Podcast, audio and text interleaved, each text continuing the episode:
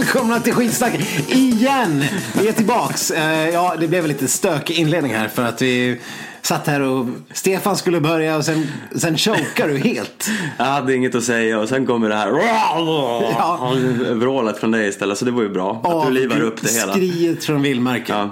Och det kan man ju säga att det, det är lite var. Vi är ju nästan direkt från vildmarken.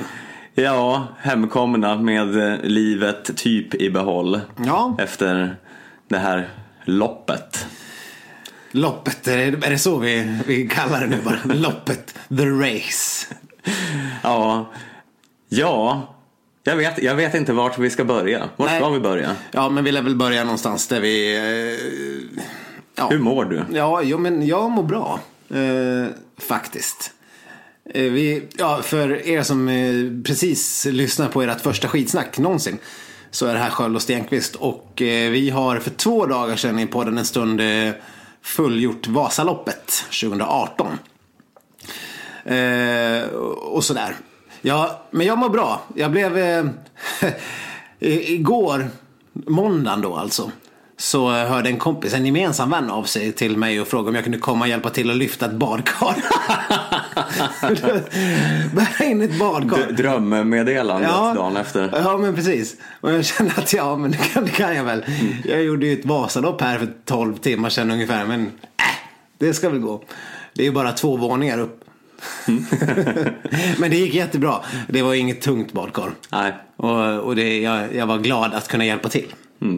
Eh, samma kompis har för övrigt sagt att han eh, var sugen på att anmäla sig till Vasaloppet. Eh, så vi kanske skulle göra gemensamt eh, slag i saken. Det är ju snart öppnar ju anmälan, Stefan. Vad känner ja. du? Nej, men jag känner att eh, den här gemensamma vännen David heter han. Ja, jo, jag kunde väl gissa det kanske. Han kan få ta min plats för jag känner mig inte alls sugen på att göra det här igen. Du är klar? Jag har sagt till väldigt många som har frågat. Eh, eh, Eh, ja, blir, blir det revansch nästa år?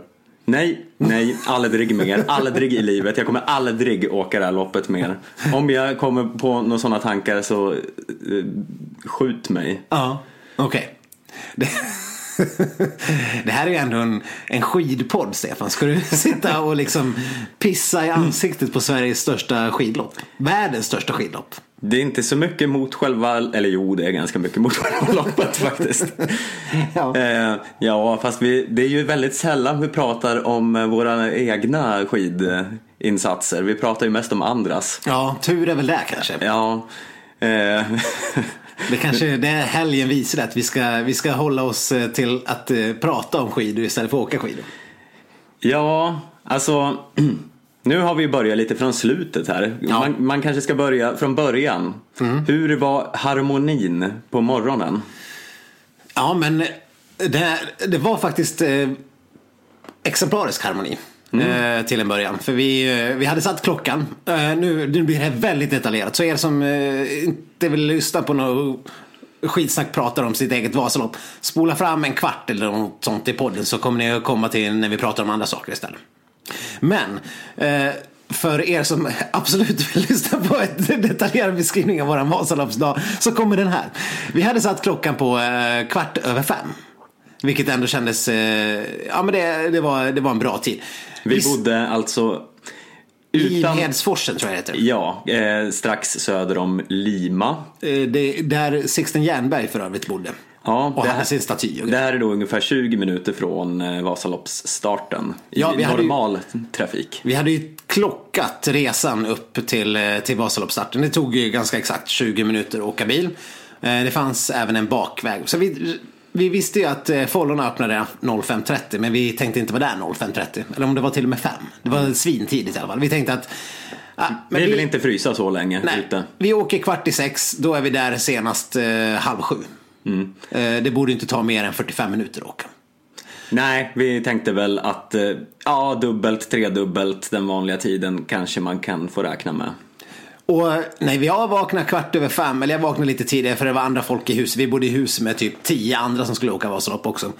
Men jag kände mig ändå harmonisk. Hade sovit bra. Säkert ja, sex timmars sömn. Liksom. Och det, var, det var ju ungefär sju tim fem timmar mer än förra gången vi åkte Vasaloppet. Ja, ja men jag kände väl lite samma. Och för första gången på typ en månad kände jag mig även helt frisk. Vilket var en trevlig upplevelse. Mm. Så allt var, allt var perfekt. Vi gick upp och vi käkade lite havregrynsgröt. Bredde några mackor, drack lite kaffe. Mm. Väldigt detaljrikt det ja. här nu bytte om och sen liksom en kvart i sex hade vi eh, daskat igång liv i våran teamchef PO som skulle köra oss upp till Vasaloppsstarten. Mm. Och satte oss och påbörjade våran färd. Och sen satt vi och skämtade lite i bilen. Skämtade och skämtade. Det, det känns nästan som att det var på allvar. Hoppas att det är lite kö så ja, vi slipper De här stå orden yppades. Hoppas det är lite bilkö nu. Det är ju så himla lugn trafik. Vi kommer bara fram så himla långt i förväg. Vi Ja. vill inte stå där ute och frysa. Nej, Nej de, man får ju säga att vi bodde ungefär tre mil då från, eh, från eh, Vasaloppsstarten. Och de första 23 kilometrarna gick ju eh, ja, utan, ja, det var ju ingen trafik. Nej. Så vi, Vi fick hybris. Vi insåg att vi skulle, ja men vi kom över där 10 över 6. Ja. Ja, ska, vad ska vi göra i två timmar? Och satte liksom världshistoriens största jinx på, på ja, allt. Ja, undrar om inte PO också sa sina eh, legendariska tweet, tweet, tweet. Någon gång där när vi sa hoppas det är kö. Där, fan. Man ska Ja. aldrig mer jinxa något. Men sen började ju mardrömmen, helvetet och eh, den Ja, det, där vände ju dagen till Ja, mitt, min för att harmonisk. bygga upp någon slags dramaturgi här så där påbörjades liksom början av det helvete som var resten av denna dag. Ja, jo precis. För sen, eh, sen slutade vi åka bil. Ja, det var gångfart på biltrafiken. Ja, och då... Och när det var, när vi... I början där så tänkte vi ändå att det, men det rullar ju ändå lite framåt sådär. Men sen gjorde det inte det. Sen stod vi still. Ja, vi var liksom så bara, ja okej, ja men vi, det är lugnt nu, ja vi kommer väl fram sju då. Ja. men det är lugnt, vi kommer fram kvart över sju. Ja, okej, det börjar bli lite, lite stressat. Vi kanske kommer fram 20 över sju. Och då är väl klockan så här kvart i sju eller något sånt där. Och vi känner ju fortfarande att vi har ganska mycket tid på oss. Men när klockan börjar bli över sju och vi fortfarande har så här fyra, fem kilometer kvar och bilarna rör ju inte på sig. Nej, och så börjar man se några åkare komma springandes bakifrån med skidorna. Ja. Så börjar man känna en viss här, liksom, day after tomorrow, så här, independence day känsla av att det är bilar som inte rör sig. Rymdskeppet kommer bakifrån och och ska spränga bort hela jävla Dalarna. Alla andra springer, varför sitter vi kvar här i bilen? Ja. Ja, nej, och det tog, det tog sig ju aldrig. Nej, De där satans eh, bilköerna och bilarna, de, ja, vi tänkte först så här. Ja men när, när, när, själva, när vi kommer till Mo, Moravägen börjar, när, när liksom bilarna går ihop sig, då kommer det lossna. Och det gjorde det inte, för det blev lika illa trots att vi hade kommit förbi den lilla flaskhalsen. Sen tänkte vi samma sak med en bro som kom lite längre fram. Ja men när vi har kommit till den bron, då kommer det lossna, för då har alla, alla som ska tränga sig in i den här kön kommit. vi hade fortfar- fortfarande då gott bil eh, självförtroende. Ja. Ja, Men, ja, men nej, det, här gick tog ju, helvete. Det tog ju en tvärvändning. Till slut fick vi ju ta beslutet då att okej, vid vilken tidpunkt springer vi? Mm. Eh, okej, kvart i. Och eh, klockan slår kvart i. Hur ska vi göra? Vi måste ju få ner skidorna från takboxen. Vi fick liksom typ, lite överdramatiserat men bara liksom strunta i korsande trafik, köra tvärs över vägen, in på macken, stanna, slita ner skidorna ur takboxen. Ja, Ta vi- väskan eh, och börja kuta. Ja, dessutom hade vi inte helt slut på bensin. Ja, just det. Bensinmätaren låg ju liksom. inget skämt. Ingen bensin fast i bilkö. Så vi behövde ju ta oss fram till den där macken, eller PO behövde i alla fall. Vi kunde skita i, men det var, det var ju min bil i och för sig. Annars, annars hade det kunnat bli kul för resten av kön där. Nej, men vi tog oss fram till den här bil, bil eller macken och då var, var det typ två kilometer fram, eller en och en halv kanske. Ja, något sånt. Vi startade ju ganska långt bak så. Ja, eh, så vi fick ju bara rycka ner skidorna och dundra på det där klistermärket som skulle på slänga av oss våra överdagskläder, kasta dem, dem i bilen och sen ta skidorna i hand, ryggsäcken på ryggen och springa fram till starten. Ja, så det blev, en, eller inte ens en lätt jogg, vi fick ju springa ganska fort. Ja, Och det var, det var ju rätt många som sprang också. Ja, Så- och jag, jag, jag har inte sett något rapporteras om det här kaoset. Jag har inte sett någon Vasaloppsansvarig gå ut och be om ursäkt för det här kaoset. Och jag, och då, jag kan bara tolka det som att det var vårat fel. Det var vi som skulle ha liksom satt oss i bilen klockan eh, halv fem istället för klockan kvart i sex. Ja, men det är ju för fan helt jävla orimligt när man bor så nära. Ja, nej, men Vasaloppet hade ju totalt fuckat upp det här. De, eh, det var, uppe vid starten var det en liten bilinfart. Och då kom ju tre miljoner bilar från varje håll. Både från Sälenhållet och från Morahållet och skulle in på samma lilla parkering. Eller det var en gigantisk parkering. Men de hade en infart till den. Så, eh, och det, det tog ju evigheter. Det är 15 000 löpare som ska dit. Jag, jag förstår inte hur det här inte kan vara en större skandal. Vi borde ju i och för sig twittra om det eller någonting. Twittra, vad skulle det göra? Men vi borde, det är ju det vi gör nu. Vi uppmärksammar det här sjuka. Den enda skandal som det har pratats om är ju alla köttbönder i Dalarna som rasar över den vegetariska måltiden som alla löpare fick efter loppet. Ja, stackars köttbönder då. Ja, Ja, för, eftersom Vasaloppets eh, stora grej är att marknadsföra köttindustrin. mm, precis. Nej, men eh, det här var, det var extremt uselt skött av eh, Vasaloppsansvariga. Ja. Jag Om vi ska försöka snabbspola här lite då så. Vi eh, kutade. Vi hann springa bort till den här väskinlämningen, slänga in våra väskor, springa bort till startfållan, eh, peta in oss där bakom någon jävla eh, Ja, vad heter Ja. det? Box med Ja, kläder och så stod de och skällde på oss att vi inte fick stå där. Ja, jag höll ju på att bryta ihop. För det var en kille som jag frågade bara, var kan vi stå någonstans? Någon eh, tjomme med någon form av eh, funktionärsjacka. Bara, ja men stå här. Och så kom det någon, någon eh, dam bakom bara, ja men där kan de inte stå här. Ni får inte stå här. Ni kommer åka in i, i, i de här boxarna. Han bara, ja men vad ska vi stå då? Det är fullt överallt. Och jag, ja, jag höll på att gå bärsärk. Där. Han sa att vi fick stå här. Ja. Ni får inte stå här, ni får inte stå här. Ja, ja nej, det, Vi hade i alla fall två minuters marginal då till, eh, det, till kunde, starten. det kunde ha blivit eh, någon form av kriminalroman. Mordet på, i Vasaloppsstarten eller, eller något sånt. Liksom stavmordet i Vasaloppsstarten. Ja, Det kan vara en, en ny Leif GW-thriller. Ja, och när polisen eh, kom fram till vad det var som hände så friade de stavmördaren för att det var, det var rimligt. Ett rimligt mord. DNA-topsa samtliga stavar i målfållan sen för att hitta.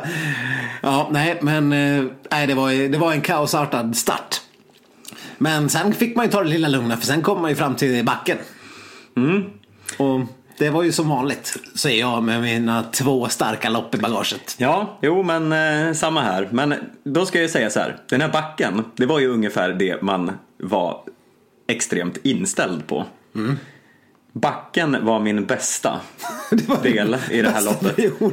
Det var liksom, ja, stillastående den här första timmen då. Ja. Liksom någon form av tramptempo upp. Eh, Men jag kände mig ganska harmonisk då, för jag visste att ja, det, det här går inte att göra någonting åt. Nej, för Förr jag, eller senare så går proppen. ja men verkligen. Jag känner samma sak. För jag vet att förra gången så retade jag mig upp med väldigt mycket på folk som eh, härjade med stavar och skidor. Och det är ju så i den här backen. Eh, man står ju väldigt still väldigt länge och försöker ta sig upp. Ja. Och det, ibland blir det så brant och har man lite så här snäppet till inte superfäste då halkar man ju. Och när någon halkar så blir det kaos och så ramlar någon omkull och sen blir folk upprörda och arga. Men där stod jag verkligen och hade någon form av serenity now moment. Jag, känner, jag känner mig lugnet, lugnet sköljde över mig. Ja, jag frammanade också min inre Mia Törnblom och har liksom embraceade life. Ja. Ehm, Ja, det, var, det var mindfulness på hög nivå. Liksom. Bara, nu, nu står vi här. Nu är situationen som den är. Jag kan inte göra någonting åt det här. Jag kan inte lägga någon energi på att bli upprörd eller arg. Eh, så där, jag känner mig som någon form av zen master. Mm. Eh, för er som inte har koll på Vasaloppsstarten så det är ungefär så här, ja, 50 spår blir eh, sju Ja. på väldigt kort tid så det blir väldigt, väldigt trångt. Ja, och sen är det två kilometer uppför i början. Där, eh, där alla vill bara fram. Men, eh, och det är liksom, alla har ju så här adrenalinpåslag eftersom starten precis har gått. För övrigt eh, så kunde ni sett mig i tv där i starten om ni hade varit uppmärksamma. För jag fick säkert två, tre sekunders av prime time. Ja, kul för dig. Ja.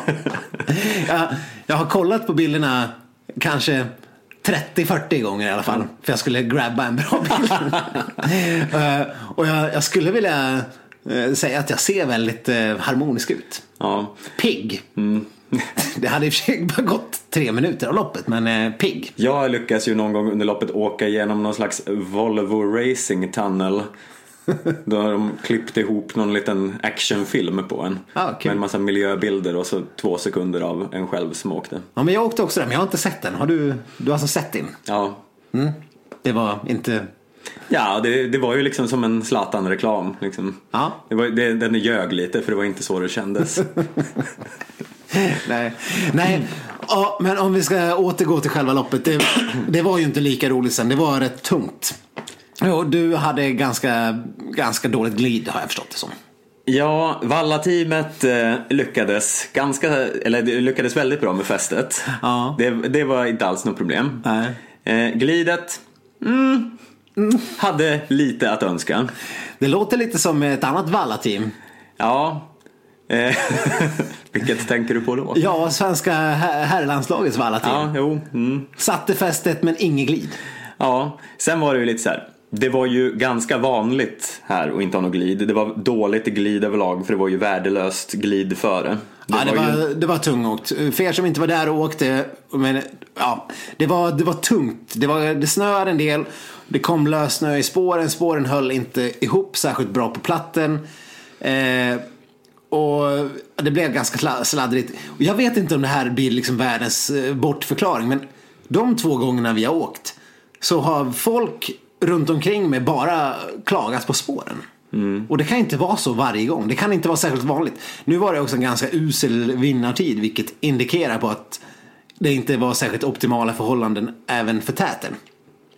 Så att eh, det kanske säger en del om hur vi som låg 7000 löpare bak någonstans också kanske hade det.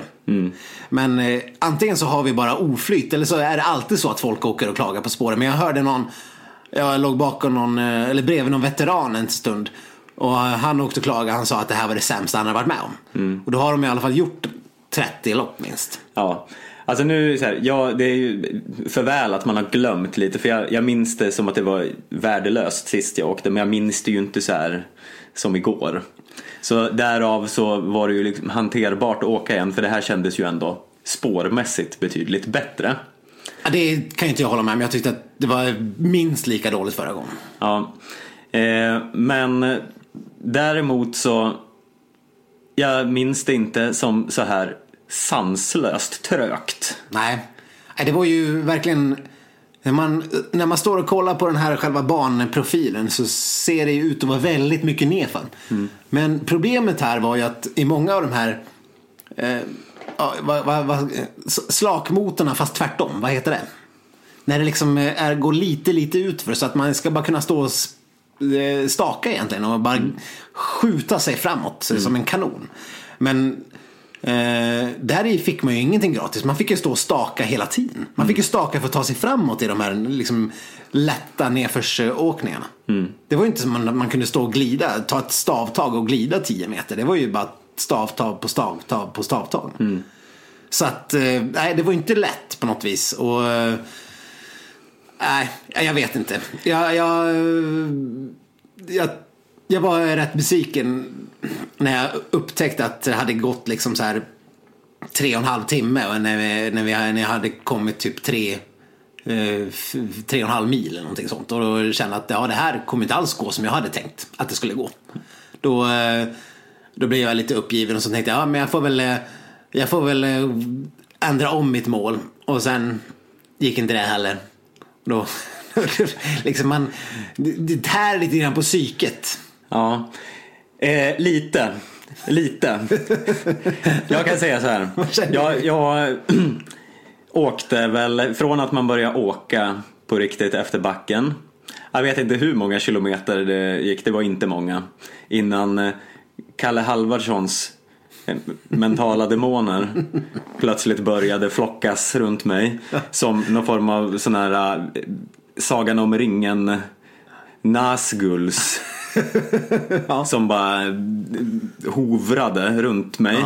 Och sen var det ja, en arbetsdag av eh, mental terror. Ja.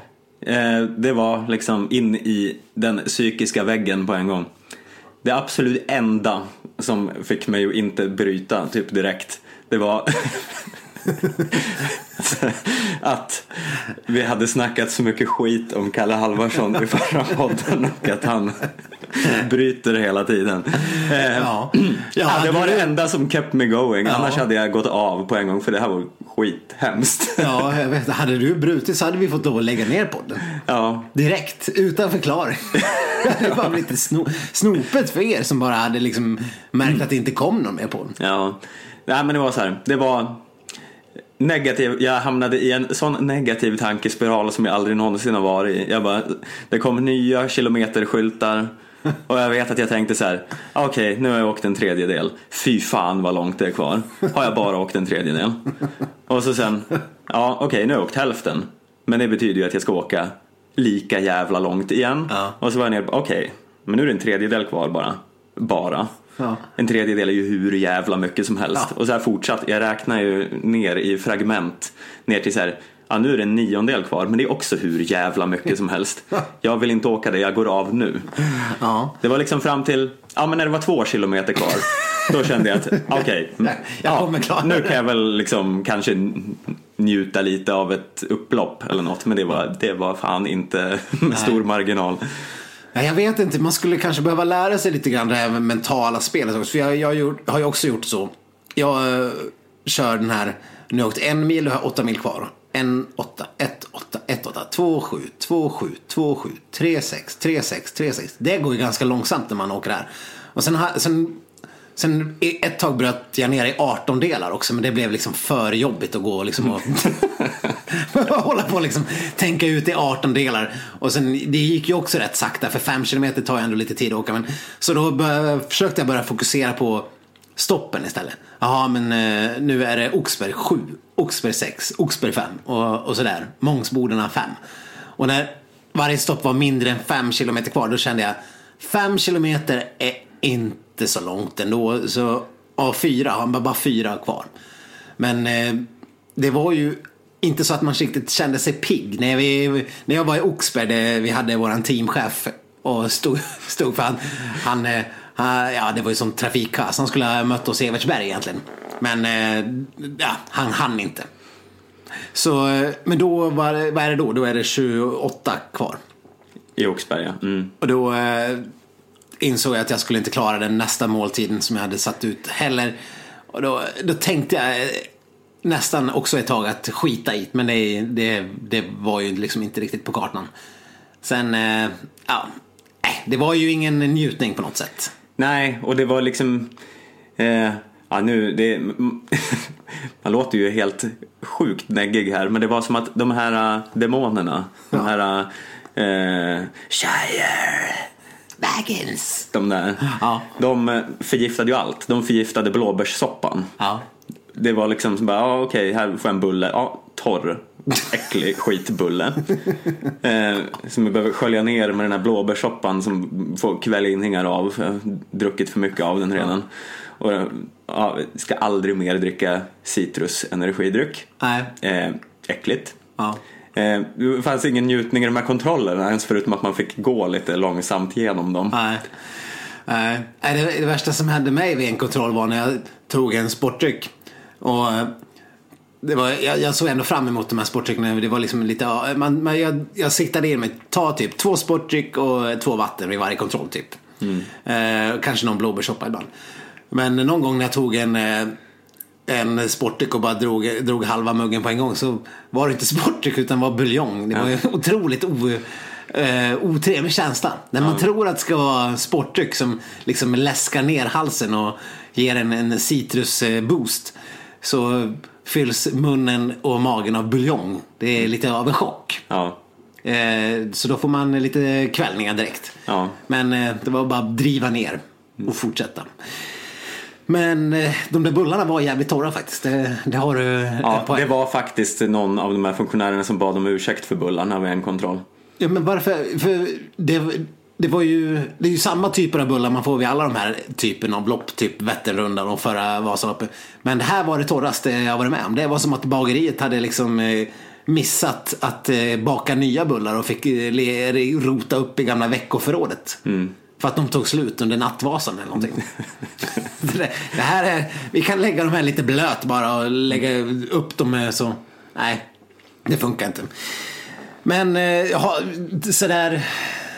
Kommer du aldrig mer åka Vasaloppet? Eller hur, ska vi ge det här lite tid? Eller hur, hur tänker du? Alltså om man ska se historiskt sett. Jag har ju ändå eh, deltagit i ganska många eh, långlopp av olika slag. Eh, och det har gått ganska fort efter den här känslan som kan infinna sig, infinna sig att varför gör jag det här aldrig mer? Och så går det några timmar och så bara, ah, ja ja. Men lite kul var det ju ändå. Den känslan har inte Nej. ens i närheten av närmat sig än. Nej. Så den behöver nog extremt mycket eh, terapi och eh, mental bearbetning. Ja. Eh, Men kan du inte se det så här då? Eh, det finns ju några punkter där man skulle kunna se en förbättring. Om, om vi ska prata klarspråk så var jag, eh, jag var ett par timmar snabbare än dig. ja, jag åkte ju... Jag klar, mitt mål, mitt mest realistiska mål var att åka på åtta timmar. Jag åkte på 9.54. Och då hade jag ju ganska tidigt sänkt mitt mål till nio timmar. Och sen blev det ju bara någon form av allmän uppgivenhet. Och på ren tjurskallighet så bara krigade jag väl för tio timmar till slut då. Eh, Men äh, jag är ju extremt, extremt missnöjd med den här tiden. Ja, ja nej jag, jag, jag förstår det. Jag hade ju jag hade ju haft någon tanke på att jag skulle kunna åka på sju timmar. Det var ju inte, eh, det blev ju inte alls så. Alltså under. Eh, Och sen trodde jag att jag skulle kunna klara åtta men det gjorde jag inte heller. Jag åkte på 8.07 till slut. Så det, är- det var ändå en förbättring jämfört med sist. Eh, Men vi har ju åkt en del tillsammans i vinter och vi har ju åkt ungefär lika snabbt då.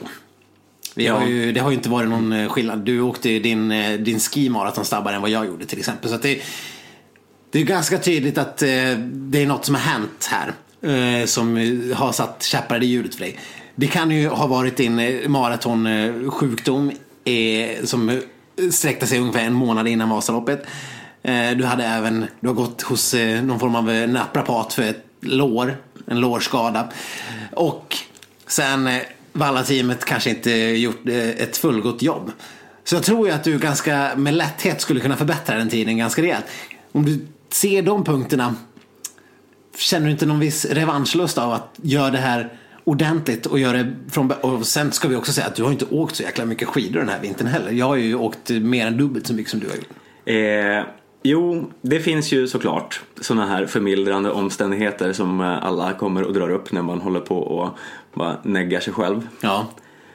Men det själva grejen med att åka den här gången var ju att det vore kul att åka någon gång när det är bra förutsättningar. Ja. När i helvete ska de här bra förutsättningarna komma då? Ja, Så att inte allt skit bara hopar sig eh, varenda gång. Nej. Det går ju inte att eh, planera för det här. Nej. Nej, visst. Jag kan säga så här. Jag tänker absolut inte anmäla mig till ett lopp vid anmälan. I sådana fall kommer jag köpa den där startplatsen veckan innan när jag är 100% säker på att alla förutsättningar är bra. Ja. Ja, jag förstår det. Nej, vi får väl se. Det har jag också dessutom konstaterat att man kan köpa en startplats typ så här ett par dagar innan för en fem hunka ungefär istället för att lägga ut 1700 spänn och köpa den den 18 mars. Så att eh, det är ju en tanke. Men jag har i och för sig haft den där tanken att ja, men jag ska åka och träna lite grann och, och se. Och sen bestämma mig med ett par veckor innan om jag ska åka eller inte. Men det gör man ju inte. Om man, I alla fall inte jag. Om man inte har den här mentala pressen av att redan ha lagt ut 800 spänn. Då blir det liksom ingenting. För mig i alla fall.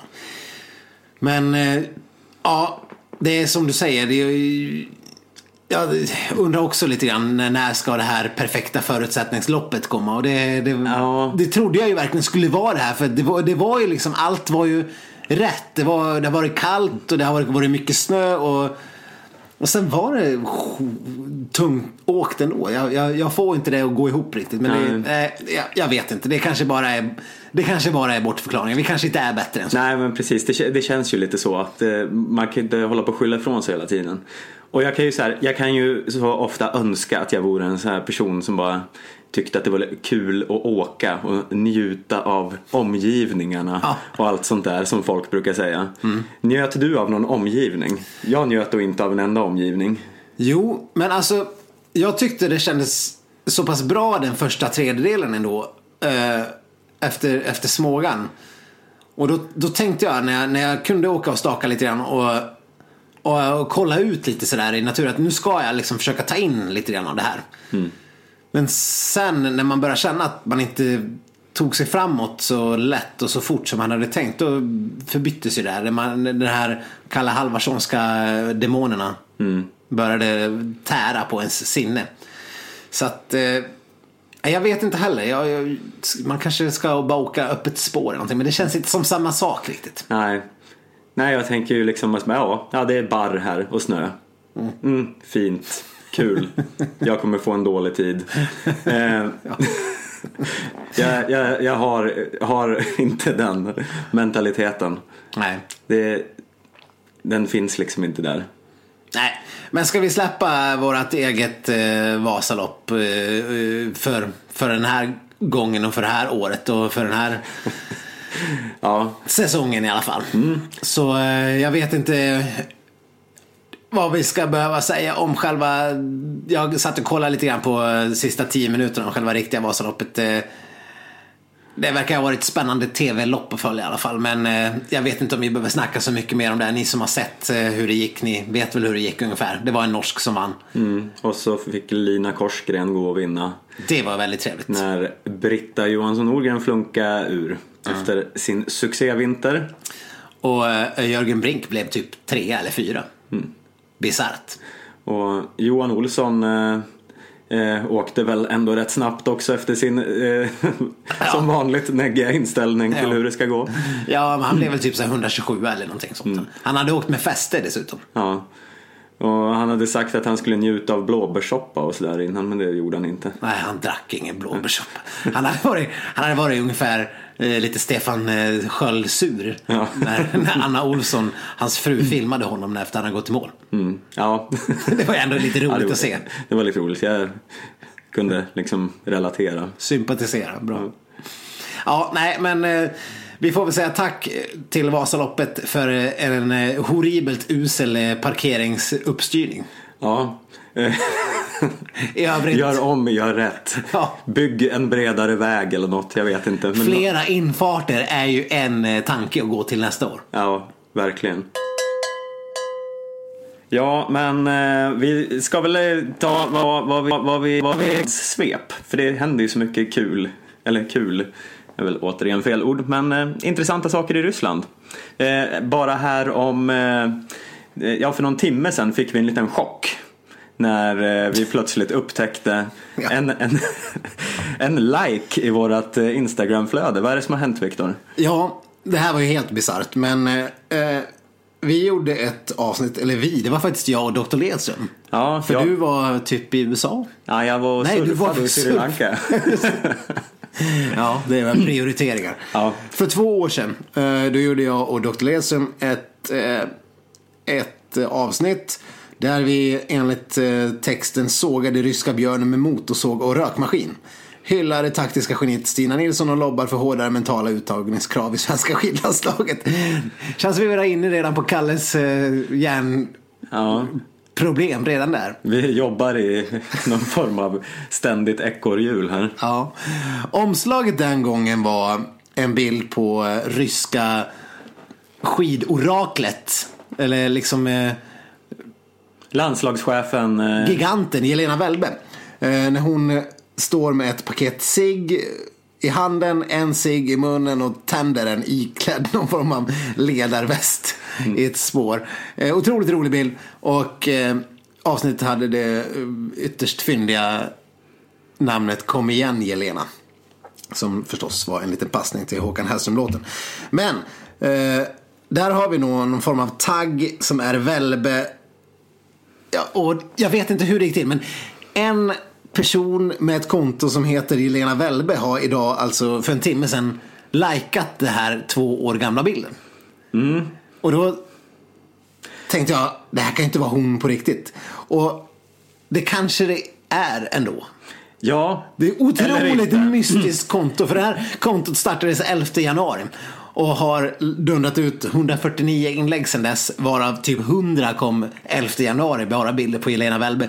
Sedan dess har vi följt en, en, eh, en hop bilder som har haft med den eh, senaste typen av eh, eh, skidnyheter att göra. Framförallt från ett ryskt perspektiv. Och jag, jag kan inte förstå det som annat än att det skulle vara Jelena Välbe. För det här kontot följs av SVT Johanna, eh, Dimitri Aparov och Thomas Northug bland annat. Ja, men de kan ju vara lite lika lost som vi är här. Ja. Av det här nystartade kontot. För det är Det är väl, väldigt, väldigt konstiga inlägg här.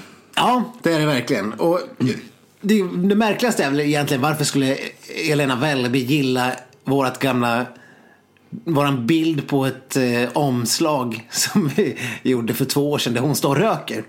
Eh, och det här kontot har jag dessutom också lagt ut bilder eh, på sig själv när hon röker, om det nu är hon. Ja, det varvar så himla konstigt mellan bilder som verkar vara uppenbart eh, eh, Ja men eh, någon form av trollkonto. Och ganska seriösa inlägg. This just in för övrigt. Hon, har, hon, säger jag nu som att det är hon. Hon har för 44 minuter sedan i podden en stund lagt ut en eh, bild på Putin igen. Det, det finns några bilder på Putin på det här kontot. Eh, om, att, eh, om presidentval som ska behållas den 18 mars. Jaha, ja, det, det händer saker. Man ska rösta, det är en medborgerlig plikt, säger Jelena Välbe. Eller den trollet som driver det här Jelena Välbe-kontot. Hon skrev för någon dag sedan om eh, eh, oklart om, det, alltså hon lät ju som att hon sågade eh, eh, Grigori Rudchenko efter att den här eh, dokumentären Ikaros som vi har pratat om väldigt många gånger vann ju en Oscar för bästa dokumentär här i veckan. Eh, och hon började prata om hans plastikoperationer och att hans mamma var knarkare på eh, studietiden och ja, det är massa osammanhängande saker. Det är lite svårt som sagt med de här funktionerna. Men eh, ja, hur har hon hittat, om det nu är hon, våran gamla bild och varför gillar hon den? Ja, men det kan vara hashtaggen Välbe där. Jag tänker att hon kanske bara gillar allt som eventuellt rapporteras om henne på något vis. Att det skulle vara roligt. Jag vet, hon har ju, hon säger jag återigen som att det skulle vara hennes konto har ju även lagt ut några skärmdumpar från Expressen när de pratar om det här norska eh, dopingavslöjandet som eh, det skrevs om för några veckor sedan som vi har pratat om i podden. Och eh, ja, hon la ut en bild när Marit Björgen eh, vann OS-guld och la ut en, en gammal klassisk bild när man ser Malin, eller Marit Björgens extremt uppumpade arm. Och eh, det var nog en, lite av en passning till att hon, det här dopingryktet som har också surrat kring Marit Björgen. Jag tror inte det var en enbart hyllningsaktig bild. Nej, man anade lite sarkasm mellan raderna där. Men om det finns någon som har lite mer koll på ryska än vi har så får man gärna gå in och granska det här kontot. Vi har börjat följa det så att ni kan hitta det genom våran Instagram om inte annat. Annars så söker man bara på elena.valbe på Instagram så hittar man. Eh, I övrigt Russian News, Stefan. Ja, eh, vi har ju våra kära skidskyttar eh, som eh, ska tävla i Ryssland snart. Vissa av dem i alla fall. Vissa av dem. Det är en liten bojkott. Ja, eh, Sebastian Samuelsson, den lille statsministern. Den lille statsministern. Han, eh, han bojkottar ju nämligen eh, världscupstävlingarna i Ryssland. Ja, det här rapporteras ju även om under OS när han, eh, ja, han blev ju mordhotad. Ja, Och eh, han har klagat eh, på bara själva faktumet att Ryssland ens får hålla en världscuptävling med tanke på de här eh, dopingavstängningarna och hela ryska, ja hela landet, eller olympiska kommittén blev ju eh, hindrade från att tävla i Pyeongchang och de fick tävla under det fåniga OAR-flagget. Eh, och hela den biten, den här halvmesyrs bestraffningen som vi har varit inne på tidigare. Och det vill sig ju inte bättre än att eh, Sebastian Samuelsson blev mordhotad i samband med att han, han klagade på, på detta. Eh, och då eh, har han nu då valt att inte åka. Dels på grund av mordhot, vilket ändå kan kännas som var en ganska rimlig förklaring. Men också dels på att han tycker att det är bara fel. Ja, att Han inte har en fungerande antidopingorganisation. Har bestämt sig för att bojkotta WC-avslutningen i Ryssland.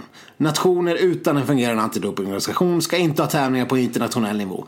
Dessutom orolig för säkerheten både för mig själv och, de för, och för de dopingtester som lämnas i Ryssland, skriver 20-åringen på Twitter.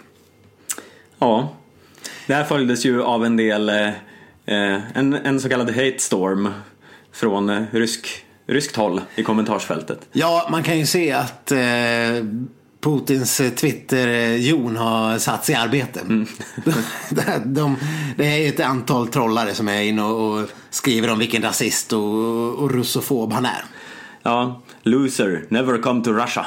Stupid idiot. Doping test checked in the UK. LOL, Russophobic paranoia, you are not a sportsman. He is a russophobic creature. Brainwashed. Ja, men eh, det är inte bara spott och spe han får stå ut med. Han, eh, han blir även eh, stöttad. Ja, eh, Björn Ferry hyllar hans eh, tilltag men kommer med ett förslag. Han, eh, han tycker att eh, alla i skidskyttelandslaget borde odla mustasch så att de eh, inte kan eh, se skillnad på dem. Likt de gjorde en gång i tiden när eh, eh, Nisse, har kommit fram till att det borde vara Mattias Nilsson.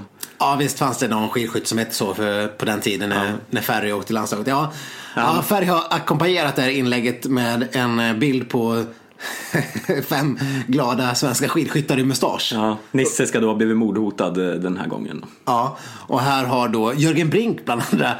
Jörgen Brink, Björn Ferry, Carl-Johan Bergman och eh, Hinken. Är mustaschprydda på det här klassiska, det här måste ju vara typ 20 år gammalt den där bilden. Men väldigt fin i alla fall. Ja, eh, men tror du det skulle funka? ja. Odla mustasch, då har de ingen chans att veta vem som är vem. Ja, han är ju rolig färg i alla fall, Ja. det får man ge. Och, eh, Jag menar de här svenska skidskyttarna är ju så pass nya allihopa så att det, det är ju ingen som vet hur de ser ut ändå. Nej. Även om Sebastian Samuelsson sticker ju lite grann ut. Ja, fast han har ju klippt sig nu.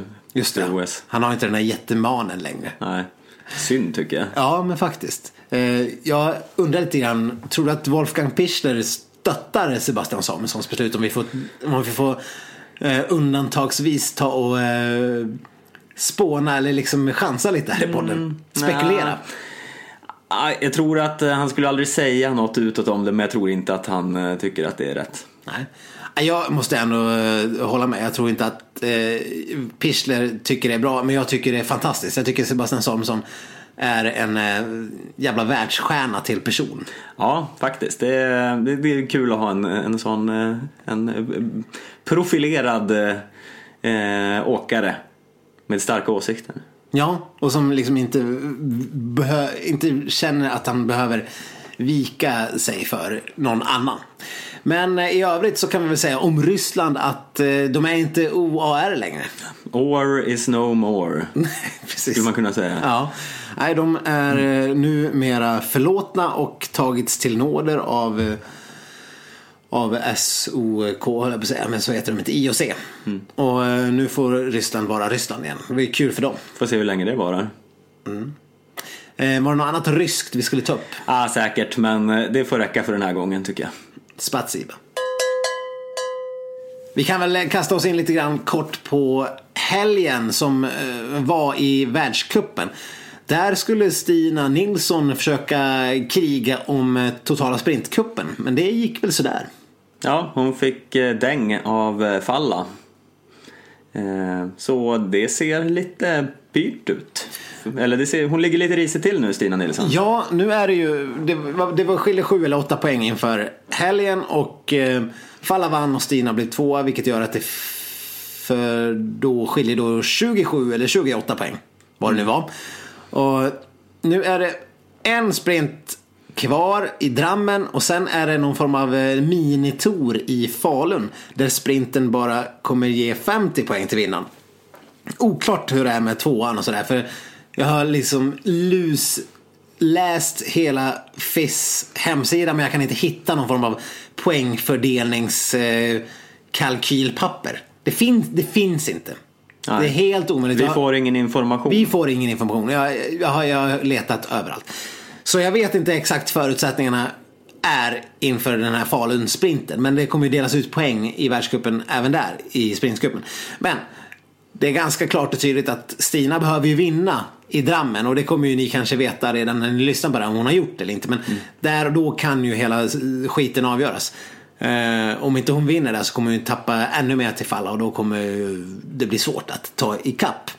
Men eh, ja, vi får väl hålla en eh, tumme för Stina. Men eh, det såg ju inte, såg ju inte otroligt imponerande ut när hon fick ju kriga för att ens ta sig om Hanna Falk. Ja, hon såg lite sliten ut. Eh, vilket kanske inte är så konstigt. Men eh, ja, eh, Falla och, och har ju inte åkt riktigt lika mycket som Stina i OS. Så det är kanske en lite fördel Falla här faktiskt. Mm, det är väl risk att det är så. så vi får väl följa den och se hur det går. Stina skulle i alla fall stå över Holmenkollens tre mil till helgen. Och det kan väl vara klokt.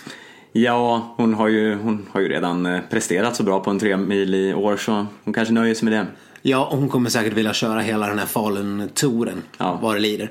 Eh, Men eh, något annat lite roligare om vi ska prata norska insatser var ju att Kläbo blev paket. Ja, det är, här är liksom som en ny del i serien Sköld avrättar norska skidåkares karriärer. Kläbo slut, är det det du säger? Det verkar så. Han, han hade ju för fan två åkare framför sig. Upp som en sol, ner som en pannkaka. Ja, han hade ju inget, inget att sätta emot när Pellegrino bara eh, körde eh, full gas på upploppet. Nej, det såg, ju, det såg ju liksom ut som att det var Kläbo som var en Pellegrino. Ja, han, han fick ju till och med stryk av eh, eh, Rättviech också. Det är ju för övrigt eh, det roligaste namnet för att alla uttalar det olika. Ja. Precis alla som eh, säger hans namn. Ret- Revitech, Rättvich, Revitech, Rättvich. Vad, vad sa du? Eh, jag minns inte. Rättviech. Rättviech. Rätt-. Det har Vi, vi kan nämna honom vid förnamn istället. Han heter Gleb. Gleb. Det är ett, det är ju ett roligt namn Ja. om inte annat. Om jag någon gång får ett barn så ska jag döpa det till Gleb. Gleb. ja, det, det låter som något man har mellan tänderna. Ja. Nu har du lite Gleb. Ja, jag var faktiskt hos tandläkaren nyss. Hade du någon Ja, Gleb? ja, jag, hade, jag hade skrapat bort lite Gleb men ja, annars var det lugnt. Inget karies. Ja, inga hål, inga Nej. Gleb-hål. Det var bra. Ja, eh, eh, nej, rätt, rätt, rätt. Han blev två i alla fall. Och, och Kläbo eh, liksom halkade in på en förnedrande tredjeplats. Så det var ju alltid kul att se. Ja, det är skönt att se när folk är mänskliga. Ja, han var, han var ändå lite dryg efter OS när han eh, höll på med sina tre guld och dryga sig. Det, det får man ändå säga. Så det var eh, härligt att han togs ner på jorden. Men han kommer väl att vinna med 300 meter i Drammen bara för det. Ja.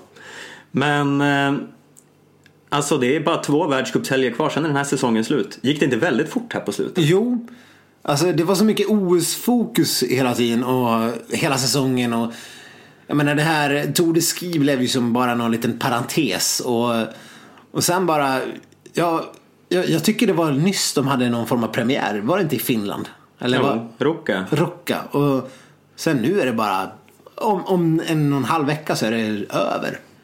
Och jag är skitsnack över. Jag, jag har ingen aning.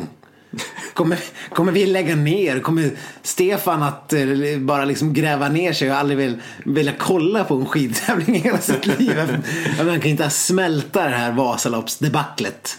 Ja, Det är så många frågor och så få svar. Ja, ja, men vi har ju några poddar kvar här. Utreda allting. Ja, verkligen. Vi, vi ska väl eh, återkomma om en vecka i alla fall. Är ju tanken. Om inte, Men vilken- om, om inte något drastiskt sker. Dyster du lät här helt plötsligt. Ja, men jag, jag blev lite så här sänkt av din eh, Vasaloppspessimism. Ja, jo, men eh, ibland så går man in i Den mentala väggen. Jag är som Kalle Halvarsson, måste kanske lägga ner resten av säsongen för att bryta ihop och komma tillbaka. Apropå Kalle Halvarsson, jag är så otroligt eh, nyfiken för att höra hur det här stora helkroppsundersökningen gick. Har han hittat vad det är som är fel? Alltså jag ser framför mig, alltså det är så, man, man vill ju se hur, hur det går till där. Jag ser framför mig den här äh, nakenscannern på flygplatser som man får gå igenom ibland. Man får ställa sig i någon lufttunnel och höja armarna och så sen Ja. vispar de runt Och sen snurrar den. Ja. Zung, zung, zung, zung. Ja, jag tänker mer att han, att han kommer få, eh, att han sitter i någon sån här Matrix-bubbla och, och blir, han omsluts av någon sån här glöjigt gläbb. så, så att, som liksom som samtidigt skannar av hans kropp och han, eh, han, han flyter där som i, i, som i viktlöst tillstånd. Och har någon form av anordning ner skjuten i strupen så att han kan andas. Men så ligger han där någon timme medan hela maskinen bara surrar och, och de här gläbbet eh, är in och ut och liksom skickar signaler till maskinens tentakler. Och sen kommer det någon lång remsa som någon doktor står och läser av. Där man kan sen utreda och sen kommer doktorn att komma fram till att nej, det verkar som att allt sitter i huvudet. Men vi, kommer, vi har inte fått några svar än. Jag hoppas att någon, eh, någon, eh, någon eh, pigg reporter kommer att ställa frågan till Kalle under den här helgen som kommer när han ändå måste göra någon form av intervjuer. Mm. Ska han vara med i helgen? Eller i helgen, han ska ju vara med på sprinten i alla fall. Ja. Och, jag, och sen om man ska åka Holmenkollens femmil, det är ju en, en annan fråga. Det, det, det är det väl ingen som vill se egentligen. Eller? Tänk om man vinner. Vad sjukt. Ja. Det är också en jäkla intressant fundering. Jag, är, jag har pratat om det här förut i podden men inför fantasyvalet som ska göras ganska snart eftersom det är Drammen. Så satt jag ändå och tänkte idag att ja, men man kanske ska ta ut Kalle ändå. Men det är ju så dumt. Jag gör det ju varje gång. Och så står man där med besvikelsen. När han återigen har... Men han lurar... Han, han visar ju att jag också har något psykiskt fel. Som tror på honom. Fast, ja. Kan, Ja, det- Är det jag som behöver... ja, du kanske behöver åka ner i det här gläbbet och få en utvärdering. Ja, men jag vet ju att det, det är mina mentala problem som sätter käppar i hjulet på mig. Så jag behöver inte göra någon helkroppsgläbbundersökning. jag kan bara skicka in lite gläbb i hjärnan. Ja. Gleb kanske är typ motsvarigheten till Viktor i Ryssland. Det kanske tycker vi är. Ja. Alla heter Åh, men- Gleb i Ryssland. Ja, jag tror vi ska ta och runda av den här podden för idag. Sen får vi väl återkomma eh, som sagt om en vecka. Då får vi se om Kalle har gjort någon succéinsats eller inte. Ja, ja, det ska bli mycket spännande. Eh, som vanligt, ni når oss på sociala medier, skidsnacketgmail.com och eh, ja, eh, så eh, ska vi jobba med våra psyken och så ses vi och hörs nästa vecka. Gleb, gleb. Gleb, gleb!